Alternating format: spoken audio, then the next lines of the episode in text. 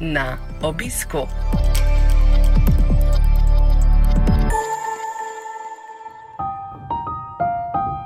Z veseljem vam predstavljamo novo serijo podkastov na obisku. V dolgem vročem poletju vas bomo vsak petek opoldne povabili k poslušanju pogovora z nekaterimi zanimivimi strokovnjaki in člani Slovenskega združenja bolnikov z limfomom in leukemijo. Vabljeni k poslušanju. Na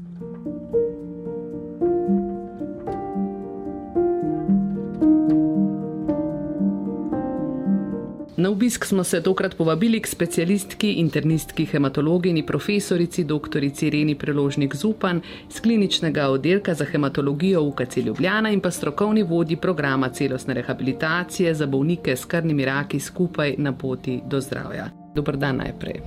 En lep dobr dan vsem in um, sem vesela, da bomo kaj spregovorili. Eh, med bolniki ste znani kot eh, srčna, tako življenska, tako se ljudje med seboj pogovarjamo. Ne? Zdravnica, ki jim znate prisluhniti, ki lahko zaupajo tudi kaj tistega, kar nas eh, teži stran od stroge bolezni in tega postopka zdravljenja. Kako dosegate ta občutek pri bolnikih? Ja, jaz sem že nekje 30 let na hematološki kliniki in eh, seveda teh 30 let s težkimi boleznimi naredi tudi eh, nekaj svojega pri nas zdravnikih. Tako da tudi mi rastemo z vami skupaj, eh, z vsakim težkim bolnikom, posebej se kaj naučimo. In sigurno, a veste, potem lahko tudi nekaj več damo, ne, ko pač gremo čez vse to skupaj. Tako da Lejte, trudimo se in jaz upam, da je zadovoljstvo na obeh straneh. Ne? Je zdravnik z leti postane boljši, ne boljši, seveda v strokovnem smislu, če ravno tudi, a ne po naravi stvari, ampak eh, po tistih življenjskih izkušnjah, po tisti življenjski širini, eh, da bolj nekako eh, padejo na bolj plodna tla tiste besede, ki jih sliši od sogovornika, v tem primeru bolnika, težkega bolnika. Ja, gledajte, na vsak način s tem, ko pač imamo več izkušenj. Uh, ko v bistvu več preberemo, ko se več pogovarjamo z uh, vsemi bolniki, um, dejansko imamo potem tudi nekje možnost uh, tudi to čustveno empatijo bolj razvitne in um, prisluhniti oziroma slišati tudi morda tiste stvari, ki niso čist povsem obesedene in jih tudi videti. In potem znati bolj subtilno ravnati z vsakim bolnikom posebej. Tako da jaz z leti večkrat rečem, da nekje začutim bolnika uh, že v ambulanti, ko prihaja od vrat, da sploh ni potrebno, da kaj spregovori. Potem, ko pa še par stavkov pove, je pa mm, vse še bolj jasno. Ne? Tako da to, vse to prinesejo leta, ampak velik pa morda tudi ne samo izkušnje v službi, ampak tudi izkušnje z samim seboj, z svojim lastnim, uh, bi rekla, zdravjem, pa morda tudi kdaj kaj kakšnimi težavami. Vse to tudi naš zdravnike izoblikuje. Veste, če si skozi samo um, zdrav, če ti skozi samo dobro gre, to včasih v življenju ni dobro. Ne? Vedno moraš doživeti tudi kaj težkega, šele to potem uh, naredi neko rast pri človeku, pa tudi uh, se pravi v njegovi modrosti. Ali je to tisto skozi trnje do zvest? Ja, vsekakor je to um, zelo, se pravi, bi rekla, en tak pogoj za eno kvalitetno in empatično življenje. Kako pomembno je, da bolnika, kot pravite, ko že stopi v ambulanto skozi vrata, začutite. Uh, se mi zdi, verjetno je pomembno na bolnika gledati tudi širše, vedno več. Uh, o tem govorimo, vedno bolj se tega zavedamo, da človek ni skupek nekih parametrov, a ne nekih uh, izvidov. Kako gledate na to? Glede, jaz vedno rečem tako, ne, da imamo različne bolezni če govorimo o sodobnih boleznih našega časa, eh, kamor jaz štejem eh, vse rakave bolezni, pa naprimer tudi kardiovaskularne bolezni, pa tudi sladkorno bolezen, pa različne druge avtoimune bolezni in tako naprej. To so pač bolezni eh, telesa in duše. Medtem ko, če govorimo pa o poškodbah, ne, tisto pa je trenutno bolezen telesa ne, in ni posledica v večini ne, nekega našega čustvenega dogajanja, razen če smo povzročili pač neko avtomobilsko nesrečo zaradi nekih naših, seveda, miselnih problemov. Ne. Če pa smo so udeleženi na ključno, a ne v neki prometni nesreči in poškodbi, takrat pa je treba pač to pozdraviti in iti z življenjem dalje. Kadar pa imamo neko drugo kronično resno bolezen, ta pa sigurno ni nastala od včeraj na danes, ampak se je razvijala v našem telesu skozi mesece in pogosto tudi leta. In kaj vse se je med tem časom z nami dogajalo, vse to je pomembno za razvoj teh sodobnih kroničnih bolezni. Tako da je treba ko se enkrat uh, ta kronična bolezen polno razvije, je treba seveda človeka celostno pogledati, če ga želimo resnično pozdraviti, kadar se to seveda da. Ne? Tako da ni dovolj samo, da damo zdravila, pa rečemo, aha, je, jemljete zdravila, ne vem, dva meseca, tri mesece, pa bo vse v redu.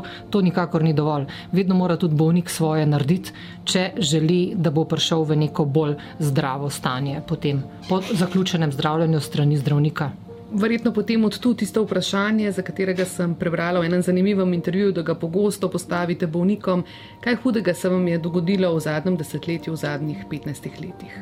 Ja, no, vsekakor, veste, če se bolj poglobljeno usedeš in uh, poskušaš pogovoriti z bolnikom, eh, oziroma s tako težkim bolnikom, kot prihajajo k nam na hematološko kliniko. To so pač seveda leukemije, limfomi, plazmocitomi in tako naprej. Eh, govorim pač o težkih boleznih. Eh, praktično vedno skozi pogovor potem prideš do nečesa hudega, kar se je pač v zadnjih letih dogajalo pri tem bolniku tudi na drugih ravneh, ne samo na telesnih.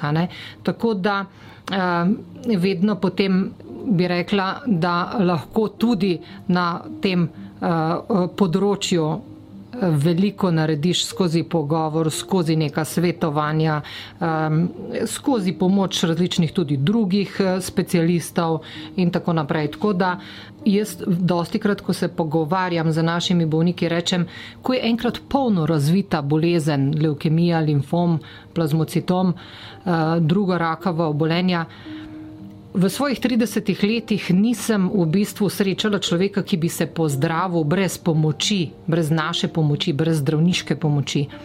Uh, vendar pa potem, ko enkrat gre skozi naše zdravljenje, potem vedno povem bolnikom, če se bodo vrnili v isto okolje, v iste stresne vplive, v iste težave, kot so bili pred boleznijo, slejko prej se bo bolezen povrnila. Tako da treba je narediti tudi na vseh drugih področjih uh, v življenju še marsikaj, da bolezen takšna, kot je težka bolezen, da ne bo ponovno prišla v roku nekaj mesecev ali leta ali dveh. Ne potem pravite zdrav življenjski slog, eh, nek notranji mir, pa seveda eh, vse tisto, kar nas učite, da zdravemu življenjskemu slogu paša je, kot tudi pogosto pravite, najboljša preventiva za ohranjanje zdravja. Ja, eh, gledajte, eh, zdaj verjetno me že marsikdo pozna po teh mojih načelih. Eh, tako da jaz pač eh, rečem, da imamo neke določene eh, temelje v življenju, ki pač so pomembni za naše ravnovesje. Seveda pa se vsak po svoje trudi, kako lahko v bistvu te, to ravnovesje preko teh temeljev tudi ustvari in ohranja. Um, tudi takrat, ko rečemo, da smo um, zelo dobro, ne, da se zelo dobro ujamemo, um, ni rečeno, da bo to v bistvu vedno trajalo, vedno nas potem zanese na enem ali drugem področju. Ampak, gledajte, jaz uh, običajno rečem, uh, da osnovni temelj našega zdravega življenja je to, da se znamo eh, v današnjem sodobnem času soočati z stresom, ki je vsak dan okoli nas.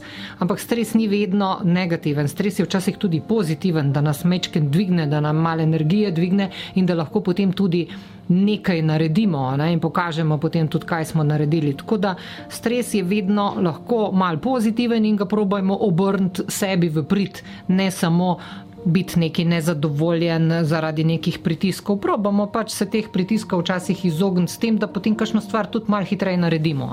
Ampak bistvo je dejansko to soočanje s stresom. Ne? Potem so pa še druge stvari, ki so zelo pomembne. Namreč jaz tudi dostkrat rečem, da ko sem se jaz rodila pred tolikimi in tolikimi leti, da ne rečem kdaj, um, je bila vsaj mojih prvih 20 do 25 let hrana še uh, relativno dobra in kvalitetna, pridelana v Sloveniji. Danes pa, ko gremo v trgovino, jaz praktično nikoli ne gremo v trgovino brez očal. In vedno, kadar se lotim kupovati malo bolj na široko, jaz si po, pogledam uh, pač deklaracijo, kaj piše, odkot je ta hrana prišla in kakšne sestavine ima. Tako da to priporočam vsem, ne kar tako počes, ampak poskušajte pogledati, kaj kupite in kaj vsak dan dajete v usta. To je zelo pomembno. Ne? Ni pomembno to na kratek rok, kot danes do jutra, kaj bom zdaj le pojedel, ampak kaj bom pa v naslednjih desetih letih vsak dan pojedel, trikrat na dan, je pa zelo, zelo pomembno. Tako da res pogledajte, kakšno hrano jeste. Naj bo čim bolj lokalno pridelana, ne procesirana, eh, tako da te stvari so za vsakodnevno življenje zelo pomembne. Potem naslednji zelo pomemben korak je, da jaz vedno tudi povem, da se moramo v mojih letih, v mlajših pa še kaj več, vsak dan vsaj petkrat tedensko eh, razgibati do preznojitve. Ne, to je za vsakega človeka mal drugače. Eden se ne bo preznojil, ko bo pet km pretekel, ne, drug pa se bo že pri prvem kilometru. Ampak za vsakega je to pač nek telesni napor, ki ga mora vsak dan narediti. Pa ne v kuhinji za štedilnikom, ampak zunaj v naravi. To je zelo, zelo pomembno. Ne.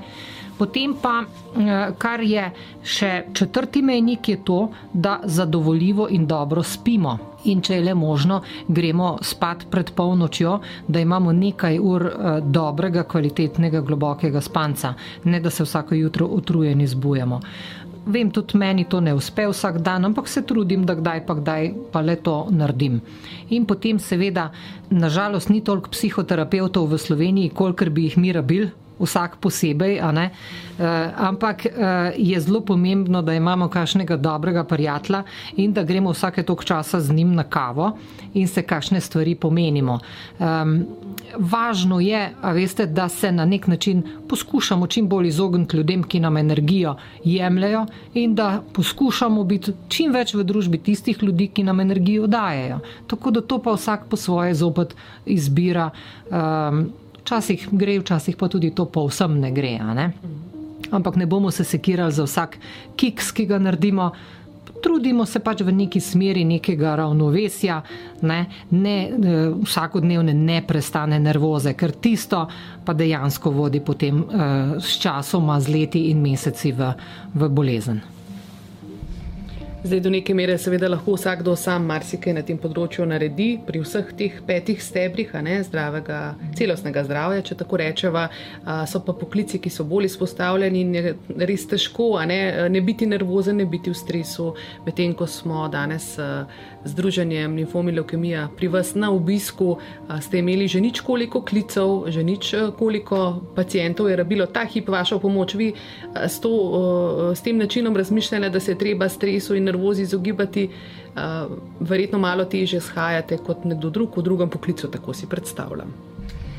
Ja, no, tako kot sem rekla, ne, stres poskušamo, poskušam obrniti v pozitivno, kot pozitivni stres. Veste, kadar e, nimam teh, bi rekla, vplivov okolja, imam občutek, da mi pritisk kar malo pade. Ne. Tako da z leti, ne, glede na to, da delam tukaj 30 let, očitno sem se na to malo navadila in, in mi je to prav malo v korist. Tako da. Uh, je pa res, da vsake toliko časa pa rabiš potem čisti odklop, da enostavno uh, si vzameš dopust ali pa tudi kakšen prost dan. Uh, jaz zelo rada grem v naravo, na sprehod, rada tudi uh, se potrudim, da tudi pri mojih letih še vedno tečem. Da grem v hribe, koliko da grem pretečete? na kolo. Je to pravzaprav pomembno ja. vprašanje, koliko pretečete ali je pomembno, da tečete in se imate ob tem dobro? Ja, v bistvu je pomembno, da tečeš in da se imaš dobro in da tečeš s takim tempom, da na koncu tudi malo iz tebe teče. Ne? Tako da um, jaz se potrudim tako pri mojih letih, da sem uh, sposobna preteči 10 km, kadar v bistvu uh, bi mi kdo pač uh, to priložnost ponudil. Um, so zopet obdobja, ko pač um, si v malo slabši kondiciji, ampak če približno to vzdržuješ in da rečeš, da vsaj enkrat, dvakrat na teden grem eno takšno turo narediti, vmes pa še kaj manjšega, pa je v bistvu kar v redu. Tako da uh, in vsi tisti, ki mi rečejo, pa kako najdeš čas. Veste, vse ostale stvari potem hitreje narediš v življenju. Tako da, če samo um, razmišljaš, kaj vse moraš narediti, veste, tudi mine čas. Ne? Tako da, treba je narediti vsak dan nekaj zase. Ne bom jutri, jutri, jutri ne? ali pa naslednji teden začel. Danes je potrebno. In danes vem, da tudi veliko kolesarite, da je kolo tisto vašo, vaše prevozno sredstvo, vsaj po mestu. To še drži?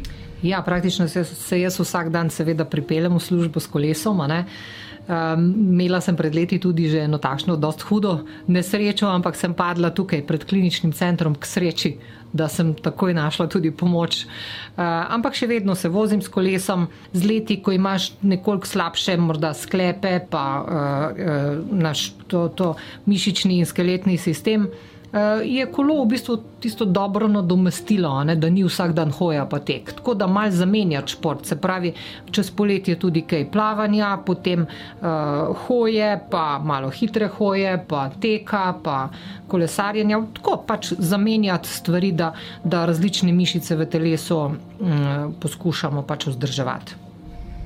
Kaj pa vrtnarjenje, ker vem, da ste strastna vrtnarka, poskušate sami tudi kaj nekaj hrane uh, ne, pridelati, kolikor se meni zdi, je tudi delo na vrtu lahko zelo, zelo naporno. A to smatrate kot šport ali ne, rekreacijo?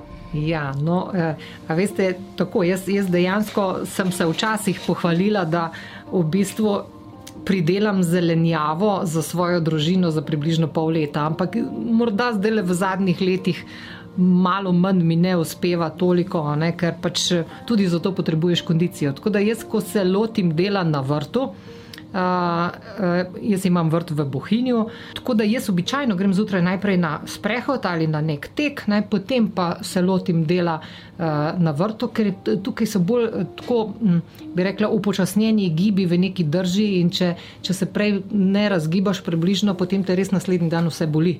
Tako da je pa vredno, je pa vredno nekaj doma narediti. Um, če imaš le možnost, zato ker na ta način naučiš tudi svoje otroke, da znajo v bistvu kaj postoriti po vrtu, da se bodo v svojem življenju znašli, pa kadarkoli, a veste, tudi čez 10 ali pa 15 ali pa 20 let se bodo spomnili, kaj so z mamo naredili in bodo znali. Ne? Nekdo, ki pa tega nikoli ne bo videl, pa tega ne bo, ne bo znal. In je v bistvu zelo um, dobro, uh, bi rekla, dober napotek ali pa, ali pa nek dar uh, od staršev, da otrok vidi, kako se kakšna stvar naredi. Tako da čim več poskušajmo dati tega, kar smo še mi, naša generacija, znali, tudi to svojim otrokom. To je ena bolj pomembnih stvari v življenju, ne? da skupaj delamo, da skupaj kaj naredimo uh, in da otroci potem vidijo, kako kaj zrase, da z veseljem to kaj potem uh, tudi poberejo iz vrta. To je, to je neskončne vrednosti, ne? tako da to polagam vsakmu na srce tudi če vmes malo jamrajo, potem kasneje, čez 20 let, ne, se verjetno spet nazaj spomnijo. Seveda me zanima, pa si mislim, da poslušalce tudi, kaj je tisto, ko pravite za družino, v dobrih letih lahko pripravite za pol leta samo oskrbe, kar se zelenjave tiče, morda tudi sadja. Torej, jaz imam dve nivci, ne, če tako povem po domače. Na eni pridelujemo krompir in pa eh, fižol v zazrnje, na drugi imamo pa paradižnike, pa paprike, pa solato, pa čebulček, eh, pa potem eh, nekaj tudi za stročji fižol, potem kaj imam še različne začimbe. Eh, tudi rožce ne manjkajo nikoli, zato ker na dobrem vrtu morajo biti vedno tudi rožce za pozitivno energijo. In dobri sosedi pravijo. Ne, tudi no, tudi to si vedno znova kaj pogledam, ker potem vedno znova kaj pozabim. E, tako da približno te stvari, no, da je vedno nekaj. Ne. Zdaj pa glede na to, da živimo blizu gozda, e, imam jaz tudi vedno zelo zanimive obiskovalce. Uh, Dostkrat sem uh, tako kažnemu prijatelju povedala, da sem imela lansko leto zelo lep brstični ohrov, a veste, tisto raste tudi tako pozno v jeseni in je bil pet sadik je bilo zelo, zelo polnih Bogati. in sem rekla, bo, bogatih, drug teden pa to vse poberem. In ko pridem naslednji teden, ker seveda nisem uh, v Bohinju samo čez vikende, in pridem naslednji teden in seveda tega ni bilo več. Kaj, mis, kaj mislite, kdo je obiskal? Mojo nivo srne so bile. Ja. Tako da vedno rečem, gledajte, nekaj je za mene, nekaj je pa za katere druge obiskovalce. Uh, tako da jaz sem potem tudi strasten nabiralec. Uh, čajev, se pravi rož uh, teh različnih za čaje. In si vedno rečem, te rožce bodo pa vedno zrasle, če ne na moji nivi, pa nekje v gozdu, pa na travniku, tako da jaz tudi to vse čas nabiram. Se pravi, čaje sami tudi radi pripravljate. Ja, jaz v bistvu. Mm, Dejansko že zadnjih deset let uh, sem tudi svoj življenjski slog precej spremenila. Ne? Tako da jaz uh, zjutraj oziroma v dopoldanskem času pijem zeleni čaj. In to vsa, vedno poudarim, da eh, ne kupovati zelenega čaja v, v vrečkah čajnih, ne, ker tudi tista vrečka je na nek način kemično obdelana, ne, ampak kupujte kvaliteten zeleni čaj v čajnicah. Um, tako da v dopoldanskem času pač pijem zeleni čaj, potem si tudi kdaj kakšno kavico, ampak običajno kakšno eno kavico na dan si prvoščim, kaj več, niti ne več v zadnjem času, ne, in tudi imam zaradi tega manj težav z želodcem. V popoldanskem in večernem času pa potem vedno pijemo kot družina samo uh, te doma nabrane čaje. Ne? Tako da je to pri nas že čist ritual, tudi ko otroci pridejo domov, mami, a bomo čaj ne? in naredimo v bistvu potem to čajno mešanico domačo, lepo skuhamo vem, en liter čaja, ne? vsak si ga prvošči eno veliko uh, skodelco, tako vsaj 3 decilitre. Uh, nikoli ne dajem v ta čaj nobenega sladkorja, tudi medune, ampak pijemo vedno čaj uh, teh pristnih okusov eh, ki ga pač dajo te eh, različne rožce. Tako da moram reči, da od takrat, ko te stvari na ta način delamo, da je tudi počutje eh, kar precej boljše. Tako da jaz tudi čim manj, kar se le da, ne jem več prehrane zunaj, po različnih menzah, restauracijah, ampak že deset let si nosim kakršno koli malico s seboj v službo, pa karkoli, a veste, vedno povem, karkoli imaš doma, ko je bolj kvalitetno kot tisto, kar boš nekje na hiter kupu. Ne? Se pravi, ali boš naredil majhen sendviček, ali boš vzel jogurt, ali boš naredil neko solatko iz domačega paradajza, zelene solate, karkoli, kumar, ne? karkoli imaš, ne? Eh, v neko posodico daš sabo, zjutraj porabiš za to pet minut, ali pa si naprimer spečeš jajčka, pa daš na, na košček kruha. Vedno so te stvari bolj kvalitetne, kot karkoli boš drugje dobil. Ne? In nihče mi naj ne reče, da za to nima časa, vsi imamo za to čas. In jaz sem to pripravljala, te malice, tudi hčerki, ko je še hodila v srednjo šolo. Praktično je vsak dan šla za vrečko od doma, eno mehko malico je imela sabo in v bistvu vedno pojedla bolj kvalitetno hrano kot vsi drugi, ki so v bistvu pač jedli tisto predhodno pripravljeno uh, hrano. Tako da. Če se uh, ne jeste, um, zdaj v bistvu jaz že leta ne kupujem več uh, teh. Um, delikatese. No. Delikatese ne kupujem. Um, tako da, seveda, če m, imam kakšne te domače uh, stvari, torej kmete, ki jih dobro poznam. Tu imate v mislih uh, salamco, pršut, sir. Ja, no, te stvari v bistvu domače še vedno pač, seveda, z veseljem uživamo, ne? ampak tista delikatesa iz trgovine, tista pa praktično um, že leta ne več in kaj se nam je v bistvu zgodilo. Ne? Veste, da otroci zelo radi jedo različne piščančje, salame, hrenovke in tako naprej. In uh, uh, moji otroci so pred leti bili večkrat na eni planšariji v Bohinju, kjer so preživeli cel teden, uh, praktično za zajtrk, kosilo in večerjo jedli različne piščančje, salame. In hčera je po tistem tednu prišla domov in dobila neko, se pravi, uh, imu, imunsko posip. sproduciran izpuščaj, posip po koži nog, ki je šel šest mesecev na zgor in šest mesecev na vzdolj. In v bistvu smo potem naredili celo biopsijo kože. In prišli do tega z dermat otroško dermatologinjo, da bi naj šlo lahko za benigno pigmentno purpuro kot posledico barvil in konzervansov. Tako da od takrat dalje praktično ne kupujemo nobene delikatese več. Ne, Sej, ne rečem, da je uh, v bistvu kdaj pa kdaj, če to poješ čisto v redu, ne? ampak ko pa nek abuzus tega dobiš, ne? je pa to katastrofa. Ne? Tako da pač probati dobiti kvalitetno domače tisto, kar pojemo ne? in to na vsakem koraku te stvari pač nekje gledati. Ne? In da kuhamo doma, uh, saj lahko skuhamo tudi za dva, tri dni vnaprej, uh, da v bistvu ne, ne jemo preveč zvečer, da v bistvu se dovolj hidriramo, kar je zelo pomembno in jaz to delam že zdaj mnogo let. Ne? Zjutraj najprej, ko vstanem, popijem. Vsaj 4 decilitre ali pa 5 decilitrov tople vode, ne, se pravi, donat z vročo vodo, običajno, zato da telo, namreč, ki celo noč se trudi, da bi iz nas izplavilo neke različne um, pač substance, ki niso telesu prijazne, ne, da mi to odplaknemo zjutraj. Potem si pa naredim kvaliteten zajtrk, običajno z skuto, lanenim oljem, sadjem, oreščki, um, kakšnim jogurtom uh, probiotičnim in uh, zraven si skuham ta zeleni čaj. Tako da, preden gremo v službo, jaz popijem vsaj 8 decilitrov uh, tople tekočine, uh, zato tudi malo prej vstanem zjutraj in uh, potem je pač tekom službe laže preživeti dan in tudi bolj kvalitetno ga preživiš. Ne. Kaj pa umiritev? Na kakšen način si izklopite možgane, umirite srce? Glejte, tako kot sem rekla, zelo pomembna je pač ta telesna aktivnost. Da pač eh, imaš nek, nek red, nek urnik, da rečeš, ne vem, eh, res vsak drugi dan, vsaj, da greš. Eh, hoditi, teči in tako naprej. To je neka osnova. Ne? Drugo pa eh, se pravi znati reči ne, to je v bistvu zelo pomembno, da pač veš, koliko je tvoj domet, koliko ti lahko narediš in kdaj boš to lahko naredil. Ne? To je nek, neko osnovno pravilo, ki, ki tudi ga jaz včasih ne znam čisto zelo dobro pač eh, zvoziti.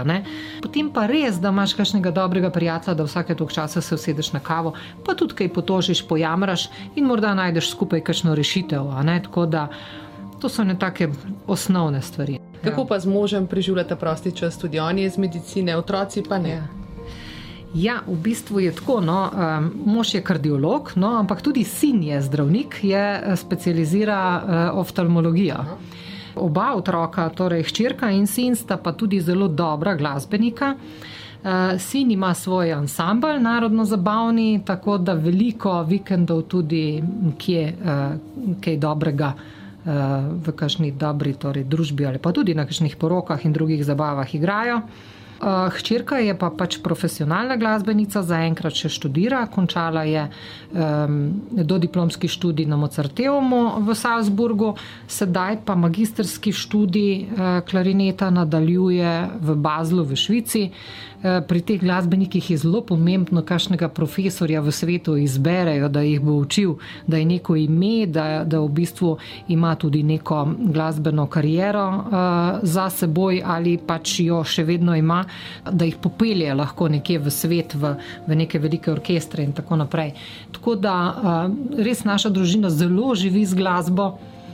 Um, In eh, seveda z možem pa bi rekla, da greva skupaj na sprehode, greva skupaj kolesariti, eh, greva skupaj v naravo in seveda skupaj pa delava tudi okrog hiše.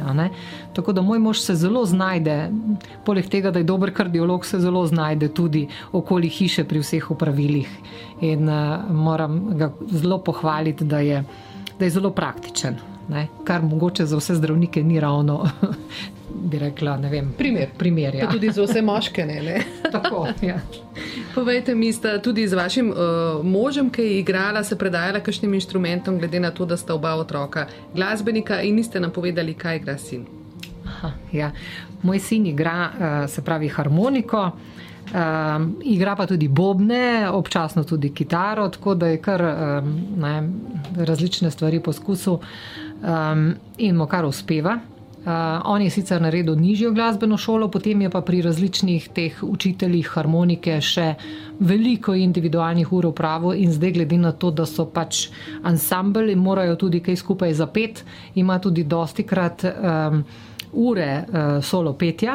Moram pa reči, da je tudi že poročen in da je njegova žena pa pevka v uh, našem ansamblu, um, zelo dobro poje, sicer je pa učiteljica.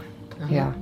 Tako da smo dejansko takšni glasbeniki zbrani skupaj. No, mi dva se soprogom, kaj sva pa mi dva glasbeno počela, jaz sem poskušala uh, s kitaro v mojem prvem razredu osnovne šole, pa je nažalost potem tisti učitelj zgodaj umrl, tako da je moja glasbena karijera se z njim zaključila. Smo pa v naši družini, v moji osnovni družini, a ne oče, mama in očetovi, eh, pač bratje in sestre, so zelo dobri pevci bili.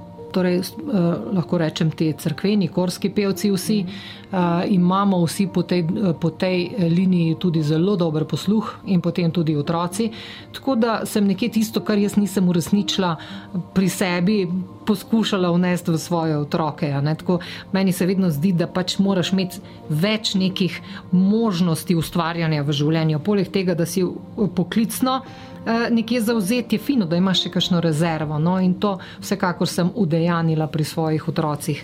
Moj mož je pa tudi igral kitaro, eh, tako da se je kdaj potem še tako po večerjih doma lotil tega igranja, pa smo kaj skupaj zapeli. In ste okužili otroke s temi lepimi Tako. rečmi. Povejte nam, doktorica Zupan, glasba pravijo tudi zdravija, ne, da, so, da je pravzaprav vse frekvenca, tudi nekateri pravijo in da prijetne frekvence nam tudi čistijo misli in polnijo dušo. To je pa malo alternativen pogled, kaj pravite na. Ja.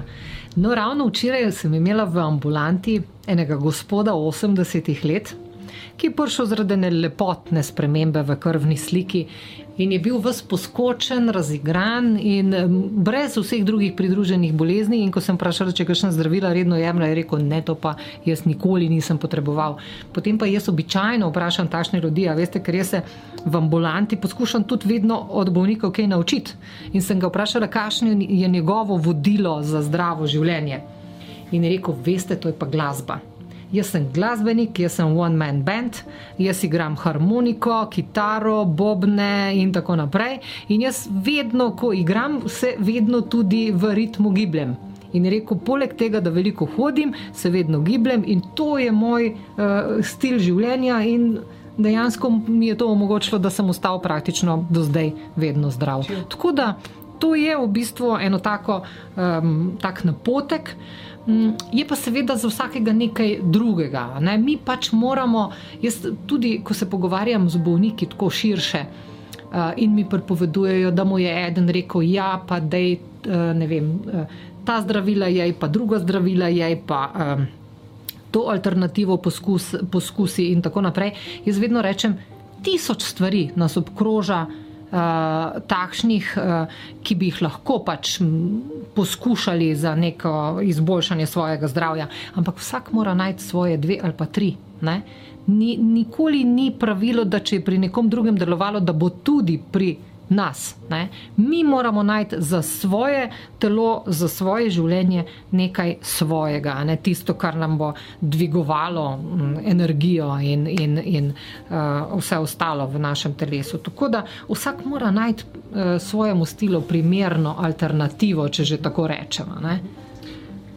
Medicina ima ogromno odgovorov, eh, zelo pogosto pravzaprav zadnje odgovore, ne za bolnike oziroma eh, edine, ni pa verjetno dokončno še vse znano tudi v medicini. To se verjetno razvija, dopolnjuje. Ja. No, tako jaz se pravi, um, dosti krat prenesejo bolniki tudi uh, potem listek iz teh različnih alternativnih zdravil. No, zdaj mi pa vi povejte, ali bo to lahko to jaz jemljem, bo to meni pomagalo in tako naprej. Ampak jaz vedno povem, mi, uh, torej v Sloveniji, pa tudi v Evropi, smo zahodnoevropski zdravniki. To pomeni, naša medicina temelji uh, na študijah in na njihovih rezultatih. In mi lahko uh, strokovno Eh, rečemo samo tisto, kar smo mi na osnovi teh študij eh, tudi prebrali in se in naučili in dokazali. Eh, ali bo, naprimer, kaj zvem, neka rosca pomagala pri tej ali drugi bolezni, tega za študijami niso dokazali in tako tudi mi ne moremo tega zagotovo trditi za nekega bolnika. Ne? Vsekakor je pa že skozi 30 let, kar delam na hematologiji, ne, je prišlo do takšnega napredka, veste, da je to. Um, Da je to prav, uh, bi rekla, zabavno, zanimivo, in tudi uh, zdaj uh, gre napredek uh, še vedno naprej. Kaj to pomeni, da gre v globino? Veste, včasih smo lahko uh, naprimer, pri bolnikih z leukemijo pogledali samo kostni mozek. Ne? In smo v bistvu te celice uh, videli in smo rekli, takšna bolezen je, na osnovi teh celic bi tako zdravili in tako naprej. Danes, poleg celic kostnega možga pod mikroskopom, pri vsaki celici pogledamo še molekularni, genetski in molekularni nivo, pogledamo kromosome, pogledamo gene in pogledamo še v tistih genih še manjše strukture. In to, to nam je vse tehnologija, ki se razvija, omogočila. Seveda, bolniki, a ne, sploh če gre za težko bolezen, se obračajo tudi na alternativne metode, komplementarne. Uh, vam to zares tudi povejo? Ja, jaz uh, moram reči, da meni bolniki mnogo teh stvari povedo. Ker morda sem pač vem, takšne vrste človek, da pač mi je to laže povedati, pa ker me na nek način malo tudi zanima. Verjetno čisto do vsakega zdravnika tudi ne morejo iti z temi vsemi svojimi alternativnimi metodami. Um, no, ampak um, kar sem želela povedati, ne, ena zanimiva knjiga je. Ne, z naslovom Še en krok na vrtiljaku, eh, avtor Ticijano, kjer so zelo lepo opisani. Različni alternativni pristopi k zdravljenju. Gre za enega svetovnega novinarja iz vojnih žarišča, ne, ki je cel svet poznal, ki je bil zelo razgledan in ki je zbolel na koncu za rakom debelega črvesa. Bil potem tudi zdravljen na najboljši newyorški kliniki v Ameriki. Ampak, kot vemo, ne, onkološki bolniki vedno iščejo vse mogoče alternative in tudi on jih je, ker je ravno tako poznal praktično cel svet. Ne. In zelo lepo potem opiše, kje vse je bil. In kaj je važno na koncu, a veste, ni težko rečemo, da bo ta metoda, druga metoda, to zdravilo, ono zdravilo resnično pomagalo pri nekem rakavem obolenju važno je na koncu samo to, koliko mi v to verjamemo. In se verjetno v tem dobro tudi posvetovati ja, s zdravnikom. Tako. tako, doktorica Preložnik, sva rekli na začetku, ste strokovni vodja, pa tudi idejna, uh, idejna da rečem.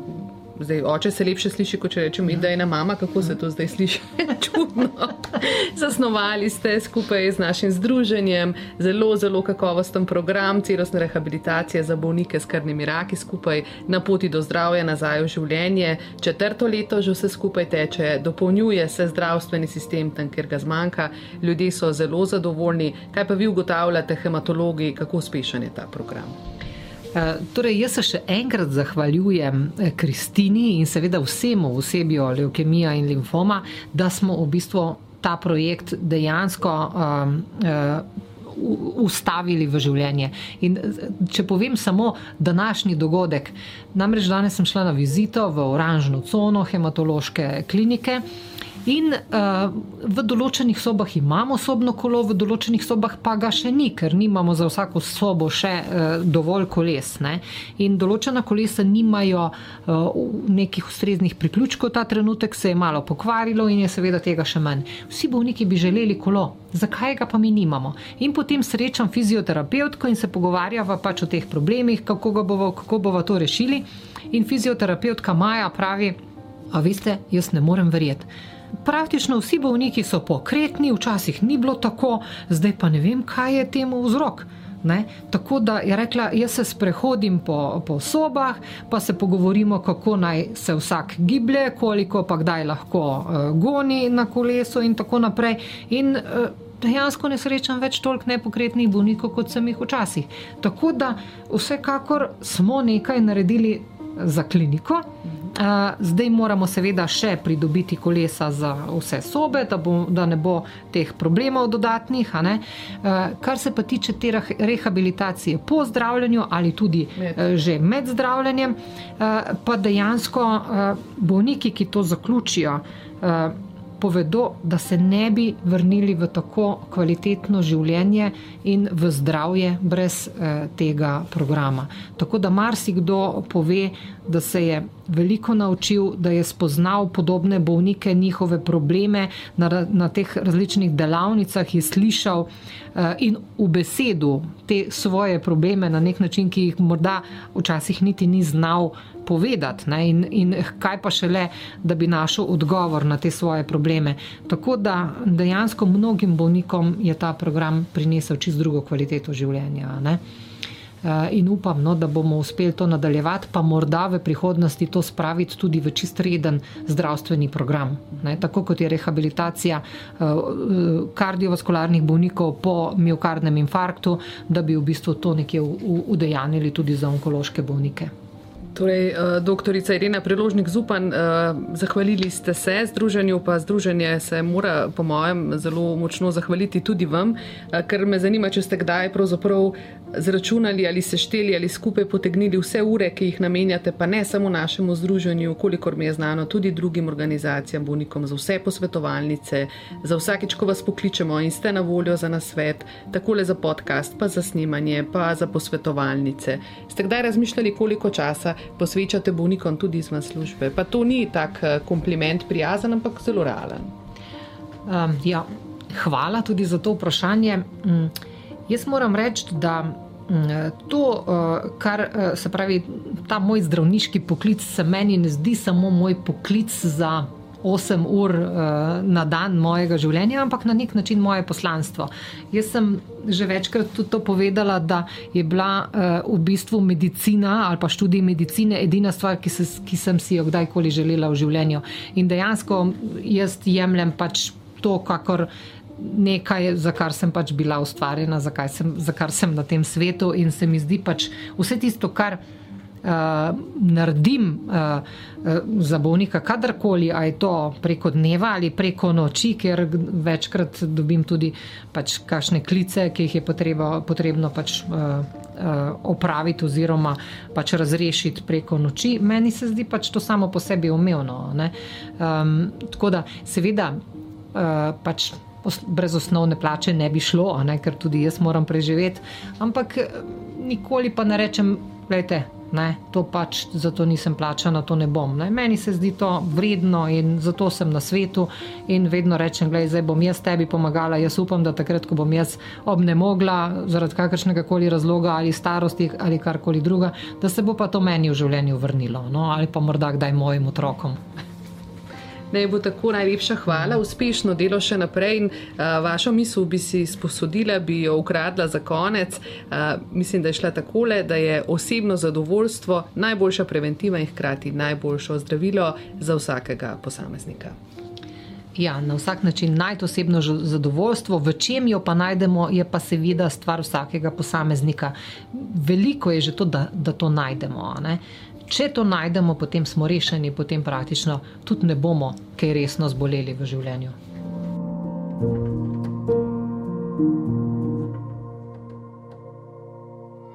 Slovensko združenje bolnikov z limfomom in leukemijo se na obisk povabi spet prihodnji petek ob 12. uri.